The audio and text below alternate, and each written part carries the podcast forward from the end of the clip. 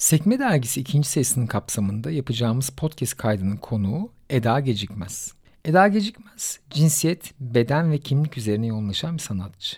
Mimar Sinan Güzel Sanatlar Üniversitesi resim bölümünden mezun olduktan sonra lisans eğitimini bir yıl İspanya Valencia Politeknik San Carlos Güzel Sanatlar Fakültesinde ardından Yıldız Teknik Üniversitesi Sosyal Bilimler Enstitüsü'nde sanat ve tasarım programında yüksek lisansa başladı. 2004 yılından başlayarak çeşitli karma sergilerde yer alan Gecikmez, Berlin'de düzenlediği Stay With Me, galerinin öncülüğünde yapılan Nev Nesil Oyun Parkı, George Orwell'e ithafla düzenlediği 1984, İstanbul Depo'da gerçekleşen Meleklerin Payı isimli sergilere katıldı. İlk kişisel sergisini 2013 yılında ödünç alınmış birliktelik başlığıyla açtı. Gecikmez 2015 yılında Mardin Bienalini, 2016-2017 döneminde de sağ desteğiyle Beyrut, Lübnan'da Aşkal Alva'nın düzenlediği Home Workspace programına katıldı. Hoş geldin Eda.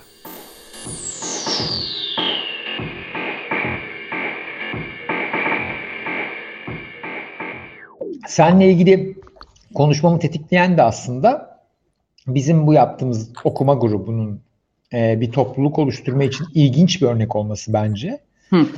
Bir de aslında topluluk çalışıyoruz bir yandan.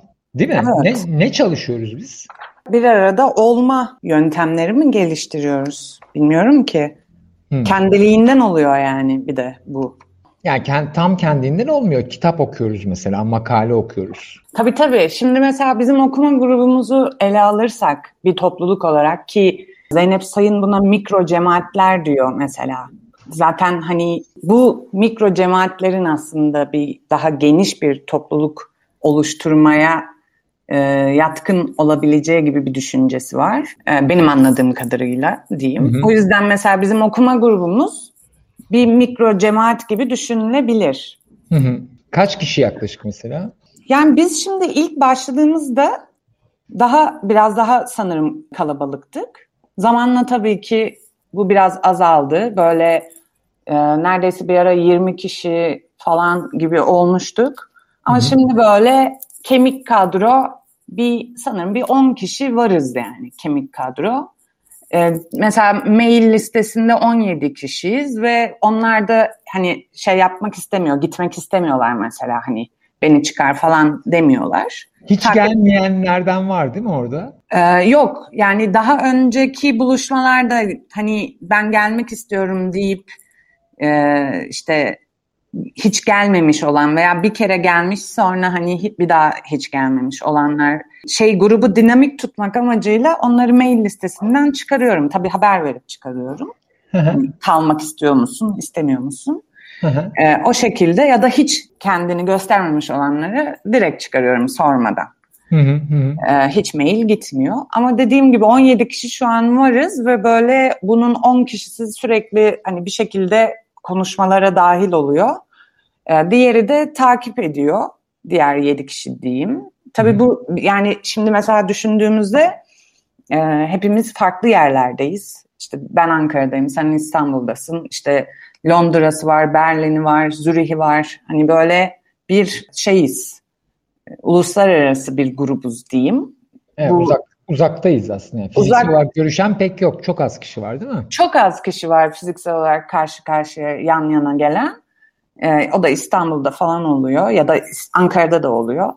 Ankara'da çünkü iki kişiyiz. Şey tabii ki bu hani pandemi sürecinde bu Zoom'dur, e, görüntülü konuşma programları falan çok kullanılmaya başlanınca bu böyle bir sanki daha önce hiç yokmuş gibi ama vardı aslında ama böyle sanki yeni keşfettik ve e, ve bir araya gelmeye başladık bu Zoom toplantıları sayesinde. Yani bana bu kısmı birazcık açıkçası ilginç geliyor. Daha önce niye hani bunu düşünmedik ki? evet, fiziksel olarak buluşmaya zorluyorduk çünkü kendimize. Evet, bir de şey vardı yani bu kadar ihtiyacımız yoktu galiba öyle topluluklar oluşturmaya. Yani fiziksel topluluklar bir şekilde e, günümüzü kapatıyordu aslında. Evet belki de evet tatmin oluyorduk. O yüzden de hani bir de üzerine fiziksel olmayan işte görüntülü buluşmayı falan herhalde hiç düşünmedik. Bu pandemide kapanınca bu ihtiyaç doğdu ve hani bir araya gelme yöntemlerini işte bulmaya çalışıyorduk formüller bulmaya çalışıyorduk. Bizimkisi de birazcık aslında kendiliğinden olan bir şey. O yüzden bence zaten devam ediyor. Yani hiçbir şekilde tırnak içinde zorlamayla bir şey olmadı veya kontrolle bir şey olmadı. Kendiliğinden zaten bu aslında bir benim beş harflerde yazdığım xenofeminizm üzerine bir yazıyı e, o manifestoyu, xenofeminist manifestoyu tartışalım mı? Hadi tartışalım diye bir araya gelen ve sonra da ya bu güzel oldu. Hani haftaya da buluşalım, yok iki hafta sonra buluşalım derken hadi başka bir şey daha okuyalım diye kendi kendine karar verip kendi kendine ilerleyen bir e, grup oldu. O yüzden sanırım grup evet. olabildi, bir topluluk olabildi. Ya adı da değişti bu arada. Ya okuma grubu diye başladı. Tabii tabii. Sonra ya doku, o... dokuma oldu galiba. Okumama oldu. Birkaç hafta okunmadı hiçbir şey diye hatırlıyorum. Yani Oyun bayağı... oynadık falan. Tabii ha, canım. Evet. Yani şey değil böyle sanırım tamamıyla aslında diyalog üzerine kurulu bir grup olduk. O yüzden işledi bence. Yani böyle bir bir zorunluluğumuz yok. Bir yere bir şey yapmıyoruz kesinlikle ve tamamıyla kendi içimizden, kendi merakımızdan, gerçekten kalbimizden geçerek bir araya geldik ve mesela bir araya geldiğimizde de işte mesela o günün gündeminde başka bir şey varsa onu konuştuk. Hiç dert etmedik. Ay şu an bu işte okumayı yapmamız lazım gibi bir hani öyle bir şeyimiz zorunluluğumuz hiç olmadı. Ama Hı-hı. şey de yapmadık mesela.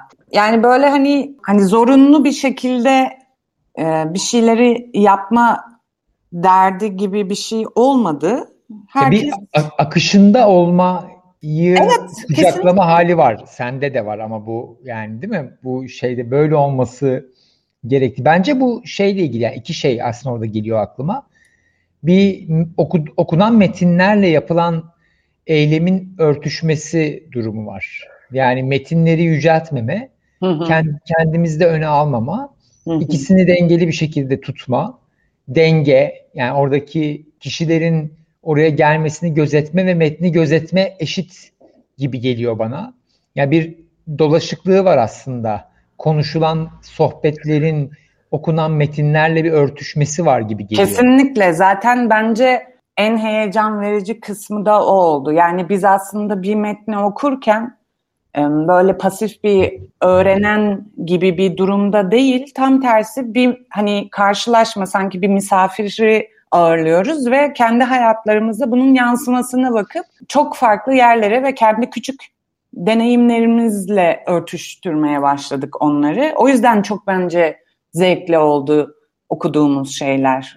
Yani hmm. böyle biri ne demiş, aa onu öğreneyim gibi bir durum değil. Tam tersi keşfetme ve hani e, belki de işe yaramıyor yani. Tamam çok ünlü bir yazar olabilir, çok ünlü bir yazısı da olabilir ama belki de çalışmıyor. Bunu da hani yani böyle şey yapmadık yani kendimizi ezdirmedik diyeyim. Ezdirmiyoruz ama hani e, karşımızdakine de hani eğer gerçekten bize hitap ediyorsa, çalışıyorsa zaten böyle direkt kucağımızı açıyoruz falan ve deşiyoruz bayağı bir bir de bayağı evet. hunharca deşiyoruz yani metni ve sadece metni değil o yazar kimmiş, neredeymiş, nasıl yazmış, hayat şekli nasıl gibi hmm. soruları da devreye sokuyoruz. Evet doğru doğru doğru yani o yazarın atıştığı başka kişiler e, çektiği bir film varsa o yazar Aynen öyle. Evet bunlar Onun, da gidiyor onun referansları, onun atıyorum mesela hocası, hangi ekol, neden o ekol var, onlar nereden besleniyor, sorunlar nereden çıkmış, bunu yazmaya iten ne olmuş gibi. Hani bunları da deşerken aynı zamanda da kendi hayatlarımızda bunun karşılığını aramaya hmm. çalışıyoruz. O yüzden böyle hani hakikaten tam herhalde günümüzle bir de ilgili kafa yorduğumuz ve tam olarak aslında öyle bir hayatın içinde olduğumuz için de bence bu okumalar e, böyle keyifle ve merakla geçiyor. Yani böyle sıkılmıyoruz yani hani bir hmm. görev yapmıyoruz yani bir ödev yapmıyoruz. Birkaç ee, isim, isim sayabilir misin yani dinleyenler için ne hangi isimler geçti? Bradotti vardı mesela. Evet. Haraway vardı. Haraway'i çok e, Cyborg Manifesto'yu okumuştuk ve hatta mail atmıştık kendisine evet. mailleşmiştik. Sonra Karambara'da başladık işte. Araya galiba ya araya tabii bir sürü farklı metinler de girdi, röportajlar girdi. Türkçe yapılan konuşmaların son dönem yayınlanması YouTube'da etkiledi diye Kesinlikle onları da onları da hep böyle devreye soktuk. Nereler vardı? Açık seminer vardı. Bir Açık saat... seminer var Poşe'nin yaptığı. Baş... Aslında Poşe'nin konuşmalarından ilerledik daha çok sanırım. Hmm. Onlar çok referans olarak geldi. Bilsart'tan bir şeyler var şey. mıydı? Bilsart'tan var mıydı? Ben orada Bilsart hatırlamıyorum Bilsart'ı ama Poje'nin de çünkü tartıştığı konular, açık seminerde tartışılan konular bizim okuma yaptığımız metinlerle paralel olduğu için çok iyi örtüştü. Evet, onlara geri döndük. Cogito'nun sayıları bayağı tabii. etkili oldu. Tabii, Hala tabii. da oluyor. Tabii tabii. İşte en son Pelinta'nın konuşması, onun e, verdiği örnekler tam, zaten tamamıyla yine uyuştu bizim yaptığımız okumalarla. Hı hı. Burada da aslında şey görüyorum yani ben genelde bu feminist hareketin son dönem şeyinde aslında yani yeni bir gele gerçekten olası bir gelecek tahayyülü olduğunu hissetmeye başlıyorum ve biz de oradayız gibi duruyor. Yani ben hı hı. mesela kendi adıma bir şey yorum yapayım. Gerçekten mesela feminist kişilerle konuştuğum konuların derinliği günlük konuşmalarımın çok ötesine geçmeye başladı. ee, bu bana ilginç yani daha sofistike ve daha anlamlı ve daha gerçek gelmeye başladı. bu bana aslında mesela 10 yıl önce böyle bir deney yaşadığımda ya burada bir şey var tam ne olduğu belli değil ama bunu yapmam lazım gibi hissederdim. Şu anda zorunlu hissediyorum Mesela anlat, anlatabiliyor muyum farkı? Hı hı.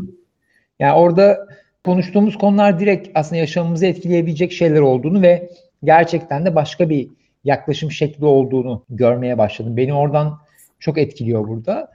Şeye geleceğim yavaş yavaş aslında şimdi bizim topluluğun şeyini aldık. Ben orada yine bir ufak bir şey var. O toplulukta senin başlatma ve e, bir tür ortadaki şey gibi yani hani orman var ama bir de mycelium var gibi. Yani o ilişkiyi tutan bir şey de var. Senin öyle bir rolün var bence küçük bir grup olduğu için sen şey yapabiliyorsun yani krizleri görüp e, bayrak kaldırabiliyorsun.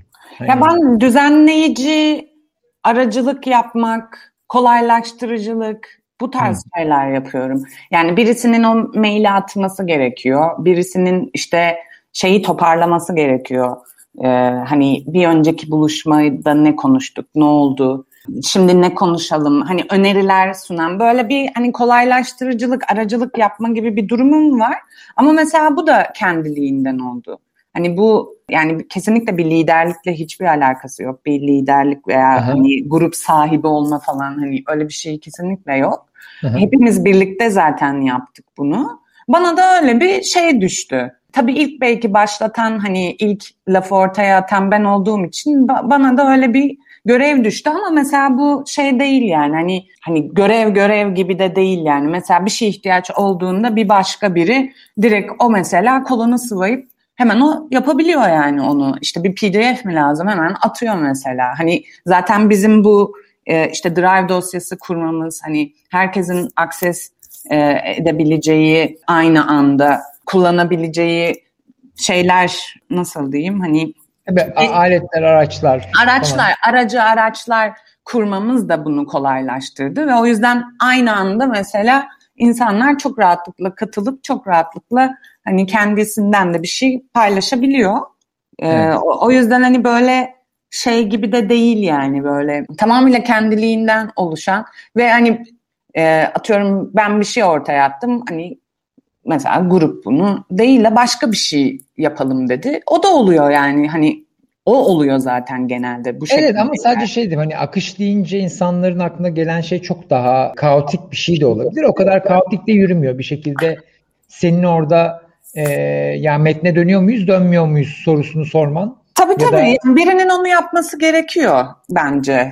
Hani bazen bunu ben de kaçırdığımda başka birimizle yapıyoruz grubun içinden ama Hani evet. birisinin sanırım o yani mesela bu şeyi hissediyorum bazen hani o maili atmasam hani bir sonraki buluşma şu tarihte gibi bir mail atmasam sanki başka biri hani belki çok sonra atacak o maili hani ne yapıyoruz hey sustunuz hmm. falan diye. Ama mesela bir iki hafta üst üste buluşalım deyip de buluşamadığımızda işte atıyorum mesela Gül için falan arayıp Eda dağılmıyoruz değil mi? Her şey yolunda mı deyip soruyor yani. Ha, hani çok güzel. Herkesin hani şeyi aslında kendisini ortaya koyuyor yani herkes. Peki bir şey soracağım. Bu top, bu tip bir topluluğun ideal sayısı sence kaç kişi? Minimum, maksimum gibi söylüyorum. Bu tip sorular Şimdi şeyi anlıyorum. Mesela bu tip sorular bu tip bir konuşma için zor ama ben biraz da anlaşılabilir olmak için zorlayacağım. Hı hı. Daha böyle indirgemeci sorular sormaya çalışacağım sana ki anlaşılır olsun diye. Yani yoksa kastım aslında sınıflandırmak değil. Hı hı. Mesela kaç kişi minimum mak ya böyle böyle bir şey Şimdi şöyle oluyor. Yani yine deneyimden bahsediyorum. Bu grubun kendi deneyiminden. En kalabalık olduğumuz zamanlarda şöyle bir şey oluyor. Mesela bazısı konuşmaya çekinebiliyor. Hmm. İşte sessizde kalıyor. Hani dinliyor sadece. Bir şey söylemeye çekiniyor. Bazen tam tersi de oldu. Hani ben sadece dinlemeye geliyorum deyip birçok bir kez oldu bu. Car car car car konuştu. Kendisi de yahu ben sadece dinleyecektim ama kendimi tutamadım deyip hani öyle bir rahatta bir ortam var. Ama sayı tabii ki arttıkça şeyler biraz konuşan kişilerin ağırlığı daha çok böyle olup dinleyenler böyle bir bölünmeye gidebiliyor. Eş ağırlıkta böyle herkes söz alma gibi bir durumu olmayabiliyor. Ee, o da herhalde bizim en kalabalık olduğumuz yani işte bir 20 kişi falan hmm. olduğunda biraz o zor oluyor. Yani zaten düşünsene 20 kişinin hepsi 20 dakika konuşsa yani hey yavrum hey. O yüzden evet. hani yani bence zaten işte şu an yani bir 10 kişi gibi ideal rakamı evet. var gibi geliyor bana sayısı. Aynen bana da öyle geliyor. Yani çünkü şey bakımından herkesin söz alma e, zamanı aşağı yukarı aynı oluyor ve zaten hani mesela farkındasındır bir araya geldiğimizde bir herkes herkese zaten nasılsın hani bir şey böyle bir herkesin bir konuşma hani hoş geldin ne var ne yok nasıl gidiyor bir böyle bir sohbetten sonra evet. bir girişten Bizim, sonra başlıyoruz. Evet, check-in dediğimiz aslında şeyler. Evet, hani, evet. Ve hatta şey, ilginç bir şekilde mesela bir saat sonra gelen kişi de tabii bunu ki. yapabiliyor yani. O da garip tabii, aslında. Tabii. Yani bir konunun derinindeyiz. Giriyor, Aynen anlıyor öyle. bir sıcak bir şey var. 2-3 dakika bekliyor sonra dalıyor ortadan. Kesinlikle. Ve topluluk ona izin veriyor ve ona alan açıyor falan. Bu çok iyi. Mesela burada bir şey soracağım. Şimdi bu mikro Mikro hı cemaatler. Mikro cemaatler nasıl makroya dönüyor bu yapılarda? Yani bence burada feminist örgütlenmenin temellerinin ipuçları da var. E, bu tip bir örgütlenmede. Yani biz 100 kişi sesli ortamdaki sohbette 100 kişi olamayız mesela. Yazılı olabiliriz belki ama şeyi sormak istiyorum. Bu kişiler kaç mikro cemaatte daha bulunuyorlar sence? Yani ortalama bu okuma grubunda duran bir kişi kaç farklı cemaati takip ediyor? İçerisinde oluyor. Evet, aynen öyle. Yani çünkü şey gibi var. Başka cemaatlerden de dedikoduları taşıyoruz buraya. Mesela başta işte orta formatta da şey oldu. Gittik. İşte Eda Emirdağ geldi. Ya orada da bir şeyler var. Dedi Hı, oraya evet. gittik falan. Orada bir şeyler konuşuldu ki bu benim yaşadığım deneyimdi ama başkaları da başka deneyimleri yaşıyor. Başka topluluklardan bahsediyoruz arada falan böyle. Bir dedikodu taşıma, bir sohbet taşıma, bir kültür taşıma durumu var sanki farklı farklı cemaatlerle yukarı aşağı. Mesela Epic grubu var mesela. Ben onu da takip ediyorum bir yandan. Mesela gidemedim oraya hiç dahil olamadım. Orada ziyaretçi yani mailleri takip eden konumundayım hala. Bir tekil bir şey yok yani bir sürü aslında bir, bir ilişkili parça var gibi hissediyorum.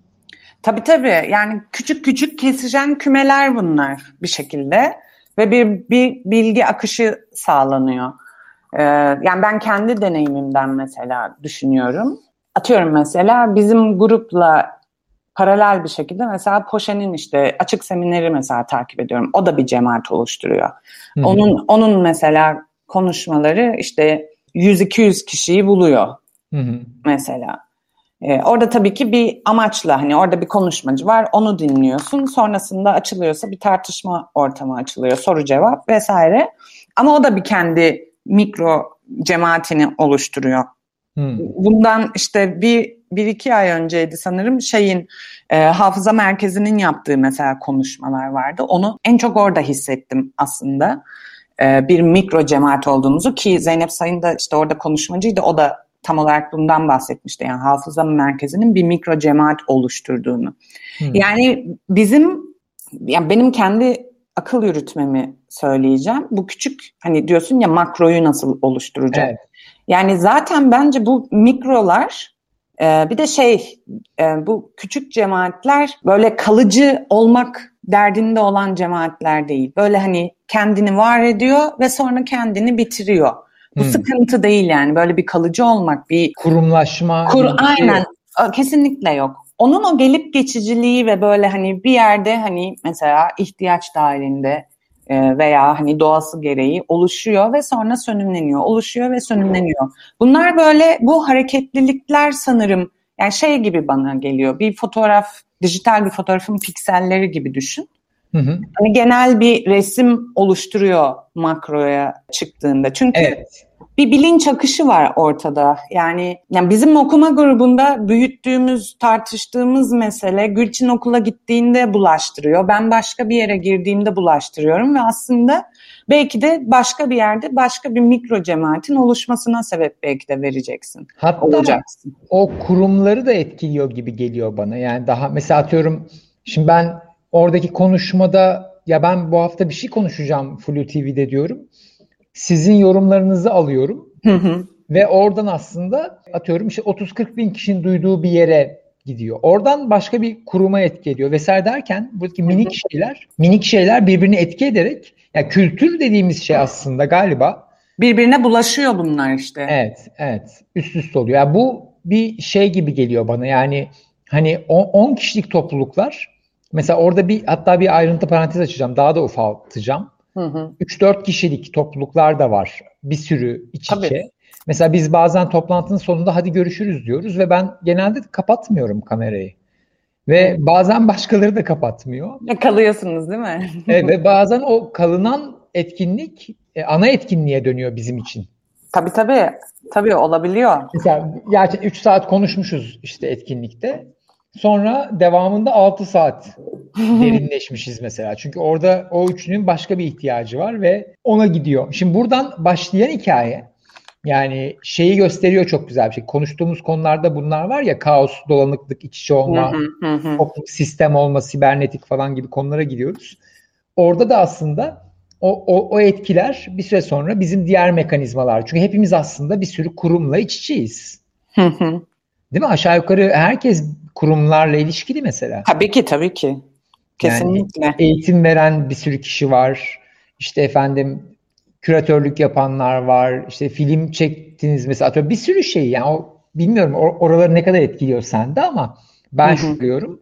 Benim yaptığım bir sürü şeyi, içinde olduğum bir sürü topluluğa etkisini geçirdiğimi hissediyorum oradaki dilin. Dil işte yani orada bir dil oluşuyor ve bu yayılıyor etrafa, bulaşıyor. Ve bunlar böyle bir şekilde birbiriyle iç içe geçmeye başladığında, birbirinin içinde organik bir şekilde erimeye başladığında da herhalde makro cemaat denilen şeye ulaşılıyor. Ama evet. hiçbirimizin derdi değil mesela öyle bir derdimiz de yok açıkçası. Bilmiyorum bence, benim yok. Bence var ama şöyle bir dert yani derdimiz direkt bunu yapmak değil yani şey gibi aslında iyi bir sistem kuracağız ve sistem bizi değiştirecek gibi bir derdimiz yok. Hı hı. Biz iyi olacağız, dünyadan bize ne diye de bir derdimiz yok. Tabii tabii. E, yavaş yavaş organik yani hepsi beraber yavaş yavaş toparlanır ya. Bir hani biz yeter ki kendimizi ifade edelim, birbirimizi duyalım, hı hı. anlayalım. Başka yani kitap çünkü sonuçta okuduğumuz kitaplar da aslında bakarsan yüz binlerce kişinin okuduğu kitaplar. Dolayısıyla onlar da bir sürü yerde yani atıyorum aynı şey Endonezya'da bir toplulukta da oluyor mesela. Tabii. Benzer etkiler yaratıyor falan gibi. Bunlarla e, genel bir dönüşümün kültürel şeylerin altyapılarını oluşturuyormuş gibi. Yani Hı-hı. ilginç bir şekilde bir sürü topluluk iç içe. Garip olan da şu okuduğumuz metinler de bununla ilgili. Hı-hı. Yani bana en ilginç gelen o yani normalde e, bunu bir sürü şey için yapabilirsin. Yani eğitimcilerin konuşmalarını düşünüyorum eğitimciler genelde kendi öğrenmelerini konuşmuyorlar. Konuşan topluluklar var bu arada. Onu ayrı tutuyorum Hı. ama yani e, öğrenme ne demek? İyi konuşmadan eğitimci olamazsın ya. Biz aslında topluluk ne? Ve iyi bir topluluk nasıl oluşulur? Konusunun kendisini uygulayarak öğreniyoruz gibi geliyor. Hı hı. Yani biz bizden Aynen. çok daha soyut dışsal bir şey konuşuyor olsaydık bu kadar etkili olmazdı gibi yani. Bayağı aslında topluluk oluşturmayı konuşuyoruz. Sanki yani topluluk oluşturma mı doğru sistem olma, yan yana olma, ilişkili olma hallerini konuşuyoruz sürekli. Ya hatırlarsan mesela pandeminin başlarındaydı. İşte biz Nisan'da başladık. Bir yılımızı dolduracağız Nisan'ın başında. Sanırım Mayıs gibiydi.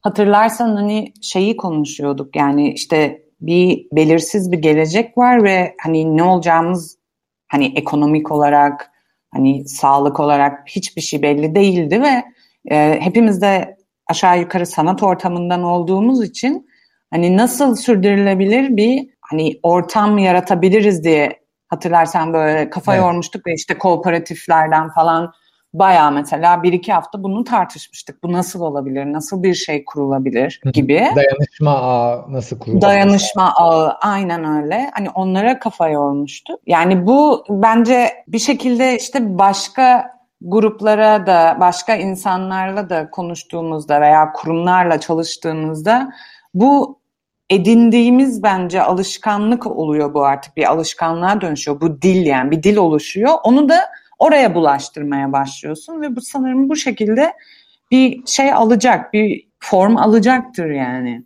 Okuduğumuz metinler gerçekten de yani sanki gerçekten yaşadığımız, anlamadığımız duruma veya yaş içinde bulunduğumuz duruma biraz ne bileyim böyle anlam hani anlamını keşfetmek veya hani sebeplerini sorgulamak gibi çok paralel ilerleyen okumalar, çok e, birbiriyle örtüşen okumalar olduğu için belki de yani çok o o da çok acayip hakikaten. Böyle bir evet. şey yok yani bir ezber yok veya bir şey nasıl derler okumak için okumuyoruz yani bazı evet. çoğu çoğu şeyi bazen merak edip okumak için hani bakıyoruz şöyle bir ama genelde hakikaten yaşadığımız şeye bir cevap olabilecek veya bize birkaç tüyo verebilecek şeylere yöneliyoruz. Ve onlar da şu an çok güncel aslında bütün neredeyse hani dünyada tartışılan metinler.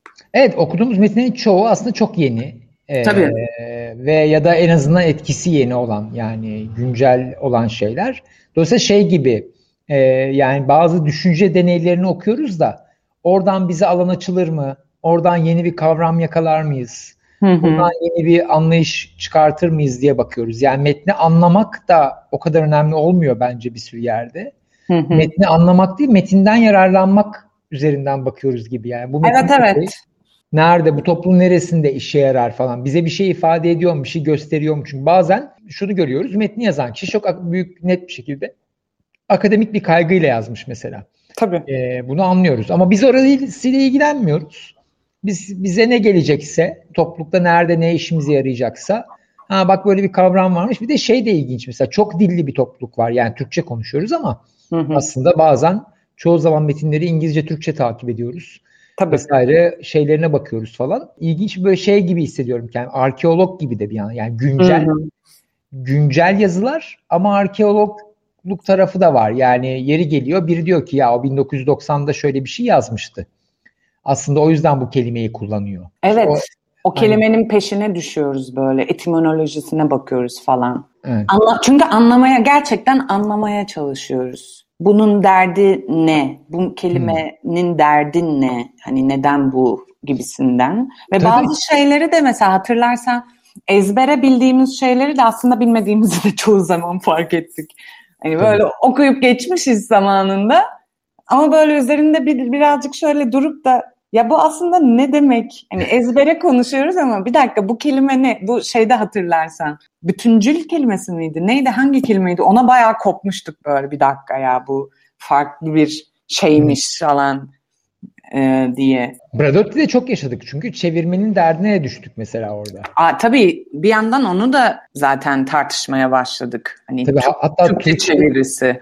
Tuğçe isyan etmişti galiba. Bu postyumun insan sonrası mı? Tabii e, tabii. Kesinlikle. Değil mi ne falan. E, neydi diğeri? İnsan ötesi. İnsan ötesi. Ha. Tuğçe insan ötesi tarafındaydı galiba. Evet evet. Hepim yani ağırlıklı olarak insan ötesi daha bize mantıklı geliyor. Hı-hı. İnsan sonrası kelimesi sanırım pek tercih edilmiyor ama tabii kafalar karışık. Yok ben oradayım mesela ben insan sonrasında çok okeyim yani so, so, post ya öte öte çok şey mesela transta ben onu hissediyorum yani. Hmm. Yani aşkınlık durumu var ya kelime olarak. Yani aslında şey değil. Kavramın İngilizce karşılığı, İngilizce'deki duyduğum şeye bakarsam o insan ötesi derim ama kelimenin çevirisi ya yani İngilizce'de yanlış kullanıyor derim o zaman yani hmm. anlam olarak. Trans daha sanki öte kavramını içeriyormuş gibi geliyor bana. Ama tabii tabii anlıyorum da bu arada yani diğer şeyde. Ve zaten bu da ilginç işte yani burada e, o kadar net karar vermek zorunda bırakmamamız yani o şeylerin de demlenmesi, demlenmeye izin vermek falan da var. Çünkü mesela Kesinlikle. metni okuyoruz, başka metinlere geçiyoruz. Üç hafta sonra ilk metin yine hortluyor. Yani sürekli o ilişkiler falan ilerliyor falan. E, o dediğin organiklik, doğallık, anda olma durumu çok yaygın bir şekilde var. Çok güzel. Bence çok şey oldu. Senin girmek istediğin bir yer var mı diye sorayım. Yani ben kafamda aslında netleşti ya. O küçük topluluklar ve oradaki kişisel deneyimler, sonra bir büyük toplulukta herkesin ses aldığı, konuşabildiği şeyler ve bunların aslında diğer mikro cemaatlerle olan ilişkisi e, bir şekilde bir harita çıkıyor. Zaten hatırlarsın yani Miro'da harita yapmaya kalktığımız anda haritalar da öyle yani iç içe bir sürü şey var. Böyle klasik böyle bilimsel o da ilginç. Herkes bilim okur yazarı bir yandan. Yani herkes bir şekilde makale falan okuyabiliyor toplulukta. Yazıyor, yazıyor tabii. falan böyle. O yani hem bilimsel gücü tutabilmek. Mesela dün tartıştığımız konuda oydu ya mesela yani hı araçlar da önemli. Onlar sadece kutsallaştırmayalım. Kesinlikle. Mesela Haraway'de vardı yani biyolojiyi reddedemezsin diyor yani. O var. Okey şimdi kültürü konuşabilirsin üzerine diyor ya. Hı hı. Ee, or, oradaki denge gözetme de bana çok şey geliyor. Keyifli geliyor. Yani her şeyde de karşılığını gösteriyor. Hı. Evet bir de evet heh, çok iyi hatırlattın. Onu söyleyecektim. Bir de biz üreten insanlarız. Genel olarak hani grubu düşündüğümüzde herkes bir şekilde bir yerde bir şey üretiyor. Ya bir yazı, bir makale ya bir hani iş, video, hani resim, hani hmm. üreten insanlarız ve genel olarak ürettiğimizin içine de bunlar giriyor. Yani merak ettiğimiz, kendi üretimimizde de merak ettiğimiz ve sorguladığımız şeylerin bir ortaklığını ortaklaşarak buluştuk galiba bu e, grupta. O yüzden mesela benim çözdüğüm, benim kafama taktığım bir aynı metni okuyoruz. Ben bir köşesini mesela çekiştiriyorum ve tartışıyoruz. Sen bir köşesini çekiştiriyorsun ve o bir şekilde kendini bütünlüyor yani ve gerçekten şey gibi hissediyorum ben. Bir metni bitirdiğimizde gerçekten onu böyle hani hücrelerime kadar işlemiş olduğunu hissediyorum. Hmm. Ye, yemişiz yani bildiğin yemişiz o metni yani. o, o, o, yani biraz bayağı kendimize katıyoruz ve sonra üretimimize katıyoruz falan. Hani o yüzden organikliği çok o yüzden herhalde devam ettiriyor ediyoruz hala daha. Evet, normalde çünkü şey diyebiliyoruz yani alışık olduğumuz insan önce öğrenir sonra yapar. Bu bu oradaki ikiliği kırıyor. Yani biz öğrene yapa öğrene yapa ilerliyoruz aslında. Yani bizim Hatta ben... yapmışız. Ne yaptığımızı öğreniyoruz. Evet evet iç, iç içe oralar. Ben de onun için yani ben hani eğitimle uğraşırken eğitimde de biz aynı şey yapmaya çalışıyoruz. Çocuklar hani öğrenirken yapmasını çünkü yap, yapmadan öğrenemiyorsun. Öğrenmeden de yapamıyorsun ve sorgulaman da gerekiyor. Niyetleri de sorgulaman gerekiyor. Yani şey yapamıyorsun. Sadece aa bak bu malzemeyi kullanmış o zaman resim yapmış diyemiyorsun. Niye yapmış da demen gerekiyor. Yani niye o malzemeyi kullanmış? Niye resim yapmaya karar vermiş? Sorularını sorman lazım. Oradaki sorun normalde bu sorular çok spekülatif olduğu için büyük ölçekte sorulamaz oluyor. Çünkü niyet okumaya dönüyor. Ama küçük ölçekte ilginç bir şekilde bir arkeolog gibi bak masanın üzerinde şunu unutmuş. Demek ki aslında bunu yapmış deyip böyle inanılmaz ayrıntılara girip gerçekten orada bir hem fikir kısmen de olsa hem fikir olup okey buradan gidiyor diyebiliyoruz. Yani ben orada bir kendimi şey hissediyorum bazen. Crime Scene Investigator şey, hmm. olay yeri inceleme ekibi falan gibi hissediyorum. Evet bazen. evet. ben de laboratuvardaymış gibi hissediyorum böyle. Hmm. Mikroskopun altına almışız ve inceliyoruz böyle hücrelerine kadar. Evet, yani, ama sonra onu öyle dağınık bırakıp çıkıyoruz ya. Hı hı. Yani te, çok da temizlemiyoruz. Hani o güzel geliyor bana. Hani dalıp analitik ya da sorgulayarak inceleyip sonra okey tamam bu kadar veri var. Buradan ne kalıyorsa o kalır. Hani tam olarak o işte. Ne kalıyorsa o. Evet. Yani bu hani gayet bence işin doğalıyla olan bir şey. İlla ki kalıyor bir şey zaten muhakkak. O, o da devam ediyor bir şekilde bizim ya başka insanlarla konuşmalarımızda devam ediyor ya üretimimizde devam ediyor. Besliyor yani birbirini. Yani bizim oluşturduğumuz özetle ihtiyaç neredeyse bir ihtiyaç olarak bir araya geldik. Sonra kendi kendine karar verdi ve devam etti. Hı-hı. Çünkü çok keyif aldık, çok eğlendik. Bir de bizim e, çoğumuzun eğitim hani bu coğrafyadaki eğitim pratikleri çok şey zayıf yani kötü yani deneyimlerimiz var hepimizin. Hani, ya travmatik ya yok. Yani. Aynen yani. O yüzden şimdi mesela farklı bir öğrenme biçimini, birbirimizden öğrenme biçimini, işte ne bileyim dediğin gibi bir aracı, bir yazarı, bir makaleyi fetişleştirmeden çünkü bizde o tırnak içerisinde eziklik de vardır ya böyle direkt hani batıda yazıldıysa alınır o çok önemlidir falan. Ya bir dakika bir sorgu, sorgulayalım bir bakalım bizim işimize yarıyor mu yaramıyor mu anlaşıyor muyuz sevişiyor muyuz yani hani direkt böyle baş baş tacı etmek falan hani bunları birazcık baş aşağı ediyoruz. Ee, o yüzden de ilginç bir yere doğru gidiyor. Evet güzel. Teşekkür ederim Eda'cığım. Ben teşekkür ederim Bager'cim. Çok güzeldi. Ben kafamda benim benim için de bak aynı şeyi yapmış oldum. Yani bunu konuşurken e, yine ne yaptığımızı anlamak için hı hı. anlatırken anlamayı yine evet. olduk. Benim için çok keyifliydi. O zaman öpüyorum seni. Ben de öpüyorum. Görüşürüz. Görüşürüz. Bay bay. Bay bay. Fugamundi sundu.